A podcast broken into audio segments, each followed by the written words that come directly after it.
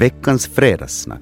Välkomna med till veckans slutspurt. I studion har vi Erik Salvesen, konstnär och scenograf bosatt i Ekenäs. Kul att ha dig här igen, det är länge sedan du var här sist. Tack ska du ha, Då, god morgon. då tror jag att vi satt vid soffan, men nu är det lite mer obekvämt. Vi sitter som vid en bardisk här vid studion och så har vi en favorit i repris från Ingo, skådespelare Dan Idman.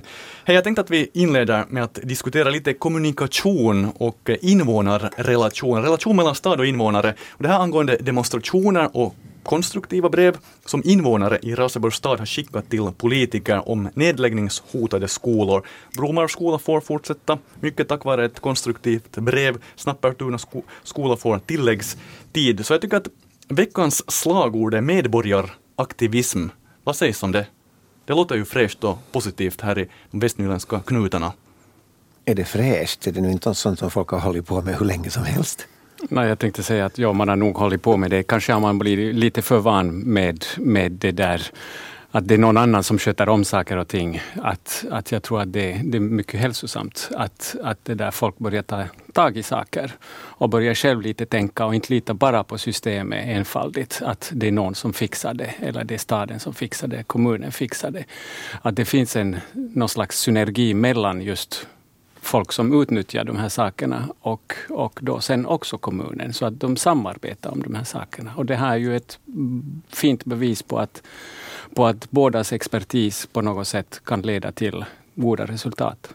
Jag menar, vi har ju nästan ett sånt här modernt skällsord eller en svordom, ordet konsult. Mm. Och när man har liksom en människa eh, i värsta fall som lite går och tittar på hur ser det ut i Bromarv. Eh, oj, oj, det var lång väg hit. Nej, no, här behöver de ju inte ha någonting. Eh, eller kör omkring i, i Snapperstuna-skogarna och, och, och det här. Ja, men härifrån är det ju jättekort väg. Barnen kan lika gärna, lika gärna liksom kolla, sitter han i sin Mercedes och du låter skeptisk nu. No, jag låter tyvärr skeptisk för konsulter, liksom när det är en människa som får fruktansvärt mycket pengar och har ingenting investerat i att bo på det ställe där det, där det liksom faktiskt skulle behövas. Du, gå, vad säger de? Gå en mil i mina skor och så vidare. Men där, där måste jag föra den där saken vidare. att, att jag, jag, tror inte att det är konsulternas fel. De bara ser en marknadsnisch där och de utnyttjar den. Ja, men de, de där, tror de på dem. De, nej, ja, där, kommer att, där måste jag säga då att, att den som beställer det här arbetet borde vara ganska lyhörda granskare av det, de, den produkten då som konsulterna levererar. Att de kan inte bara blint lita på, eller de måste också ta reda på att är det här ett är det här värt pengarna? Det där, är det, är det, jag menar, kan man lita på de här människorna? Jag tror att det är ganska ofta vi går åt sån här, ett mellanskikt där som beställer ett arbete utan att gå åt de här som på riktigt ja. bestämmer. Ja, jag, jag menar inte att, att, gå ner på... Så det är inte konsulten, det menar jag alltid. Sen, sen är det ju klart, jag menar det finns bättre konsulter säkert, som det finns bättre arbetstagare, arbetsgivare än andra. Så att där skiljer det sig säkert också. Det var det enda som jag var liksom det här att, att det är liksom en person som man försöker lita blint på. Och sen kommer det massor med protester från de som faktiskt har med saken att göra. Men om det, det, är en, om det är en konsult, jag tänker bara, du vet om det är en konsult som tar sitt jobb på, på allvar, då har den tagit reda på saken. Mm. Det måste man utgå ifrån. Man hoppas ju Man måste utgå man måste. ifrån. Alltså den här konsulten Dan Idman, tror jag hänvisar till det. Rasborgs stad beställde en konsultrapport som skulle kolla, granska skolnätverket. Och, och fel hade han helt tydligt. Och förslaget var att man skulle lägga ner sju skolor, eller kunde lägga ner. Och nu har det gått ner en hel del, det kanske fyra skolor nu, jag kommer inte exakt ihåg det här antalet. Men tror ni att det här kan vara någon slags sån här public relations-trick? Det är bra image för vem som helst, i det här fallet staden, att först kommer man med en rapport att hej, så här många skolor eller hälsostationer eller vad som helst kan vara hotade och sen kan man därifrån vet du lite rädda situationen med att man inte lägger ner så många skolor. Tyvärr, jag håller helt med. Men är det cynism eller? Nej, det är inte cynism, det är realism. Det, det är sån här give and take. Det är sån här bargaining och då måste vi komma ihåg att vi ligger i en sån situation att vi har sånt underskott i den här regionen. Att, att, ja, där tror jag att det, det, man måste hålla en, en, en stark realism i de här besluten som man fattar. För det måste sparas pengar och det måste mm, ordnas. Sen det, det går, jag tycker att, sen å andra sidan tycker jag att det är jättefint just när det finns engagerade människor på olika håll som tar itu med saker och som får det att fungera, att visa att det finns en annan modell som man kanske inte tänkt på, som kan fundera. För oftast handlar det om ekonomi ändå trots allt. Och då uppenbar, jag har inte läst nu brevet och jag, har inte, jag vet inte no, djupare in, eller jag har inte satt mig djupare in i den här frågan, men jag utgår ifrån att de har gett en plan helt enkelt mm. hur de kan lösa det här problemet. Och det, det tycker jag är så vettigt som det bara kan vara i, i förhållande till sådana här problemlösningar. Du har helt rätt där Erik Salvesen. En plan som Bromarvlandets Hem och skola-förening um, gjorde upp var att man skulle ansluta skolan till flisverket som finns i byn och på det sättet få ner uh, bruks driftskostnaderna till exempel. Mm. Och en annan var att man skulle Eh, kunde placera flyktingfamiljer i byn. Raseborgs stad ska väl ge hemåt är det 68 flyktingar som får asyl. Vad sägs om det här? Det här var ju konstruktivt. Ja, alltså, det är ju det att det är så det sen ska gå. Och jag tror också, bara för att återknyta till det här, att, att jag tror att politiker är väldigt bra på att nu skrämmer vi upp, nu ger vi en sån här worst case scenario och sen eh, när man, ja men No, men nu märkte vi att kanske det inte går riktigt så här att vi nu räddar vi liksom fyra. Planerna var kanske att no, no, vi, vi måste skippa tre. Men vi säger sju och får vi ner det till fyra så eh, är det redan bra. Och, och det här, men att, att just det här sen att, att komma med ett, ett konstruktivt förslag, att komma med, med någonting att man, man påpekar att det här stämmer inte. Uh, den här människan har inte antingen pratat med tillräckligt mycket människor eller märkt liksom de här riktiga realiteterna. Och, och sen att få, få en, en, en, en rättelse till stånd genom att genom att vara, inte, inte stå och vi vill inte ha det så här, gör på ett annat sätt. Så här han på nätet. ja, precis. Uh, att det här skrikande, att, att man, man, man kollar fakta och kommer med fakta. För jag menar till och med politiker måste förstå fakta. Eller, mm. Du, borde. Sen, sen det där, du är bitter idag, Dan Nej, jag, är bitter. jag måste anknyta till det, det, du sa nu här sist med flyktingar och ansluta till olika då, värmeproducenter där då flis, eller ja, ja, det där, jag tycker att det, det är just den sortens igen synergi som behövs i vårt samhälle. Att det finns nytt tänkande. att hur kan man lösa, att allt behöver inte komma från ett ställe, från en högre ort. Att man helt enkelt man, man börjar crosstänka inom olika områden. Det betyder att hur kan vi lösa, jag menar det är skolan, åldringsvården, många olika sjuk, uh, sjukhusproblem, vård överlag problem. Att hur kan man på något sätt korsbefrukta alla de här sakerna med andra. Till exempel då Uh, som ett exempel nu, jag, jag var just och tittade på, på Musikinstitutets det där ungdomar som spelar där och då ställer jag mig frågan varför kan de inte ha varje gång de har en konsert till exempel, de har ju varje månad har de typ en sån här liten sån här uppträdande. Varför kan de inte ha det på åldringshem?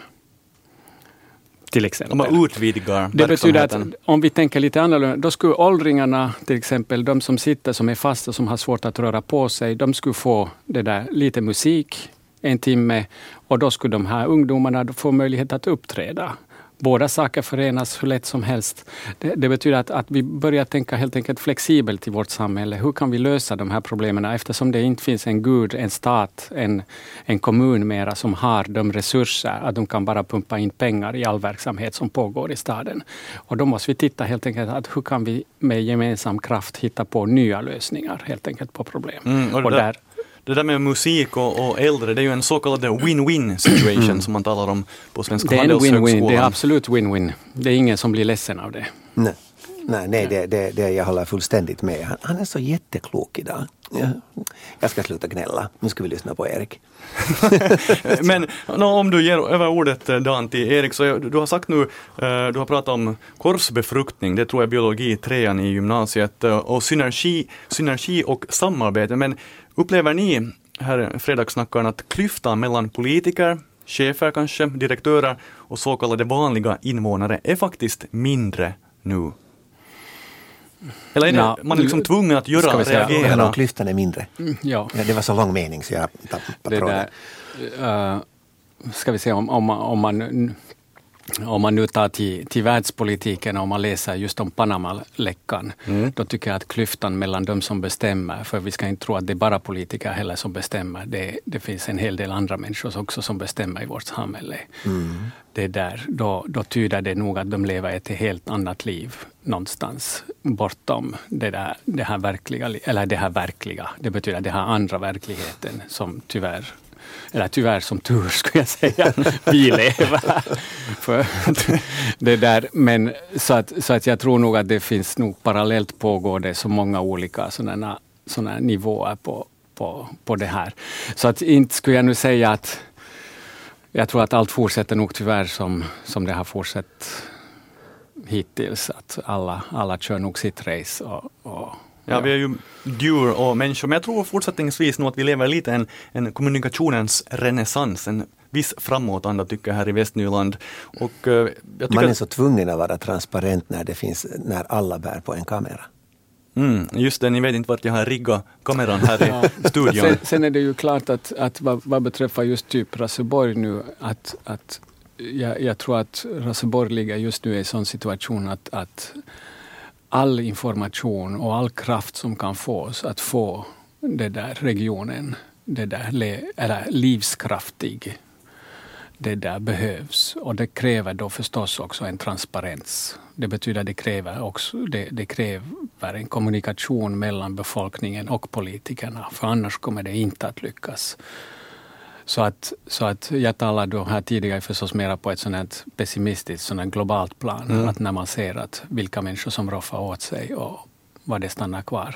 Om man tittar på statistik, hur världen ser ut nu i dagens läge, då ser det lite mera kanske lite sämre ut. Ja, lite Men kanske på lokalt plan fungerar det förhoppningsvis bättre. Hej, vi har Erik Salvesen i studion och Dan Idman. Vi går lite vidare till um, gamla byggnader.